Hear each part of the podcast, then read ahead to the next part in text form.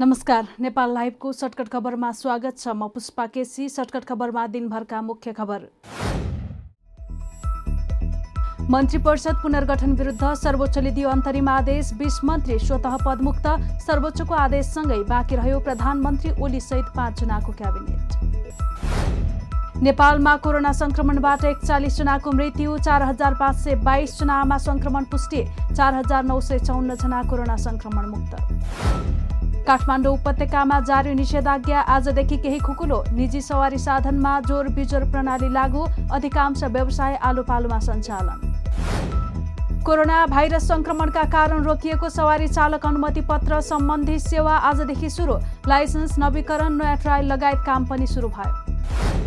लुम्बिनीमा जसपाका यादव पक्षका दुई सांसदलाई ठाकुर पक्षले सोधे स्पष्टीकरण। सरकारको नीति तथा कार्यक्रमका पक्षमा मतदान गर्न जारी हुए उल्लङ्घन गरेको आरोप। राष्ट्रिय प्रजातन्त्र पार्टी छोडेर कङ्ग्रेसमा प्रवेश गरेका सुनिल बहादुर थापा सहित पचपन्न जनालाई महासमिति सदस्यमा मनोनयन। मनोनित हुनेमा सबैभन्दा बढी मोरङबाट कङ्ग्रेस युवा पुस्ताका नेतालाई भेटेर सभापति पदमा उम्मेद्वारी दिन आफू अघि बढिसकेको विमलेन्द्र निधिको भनाई।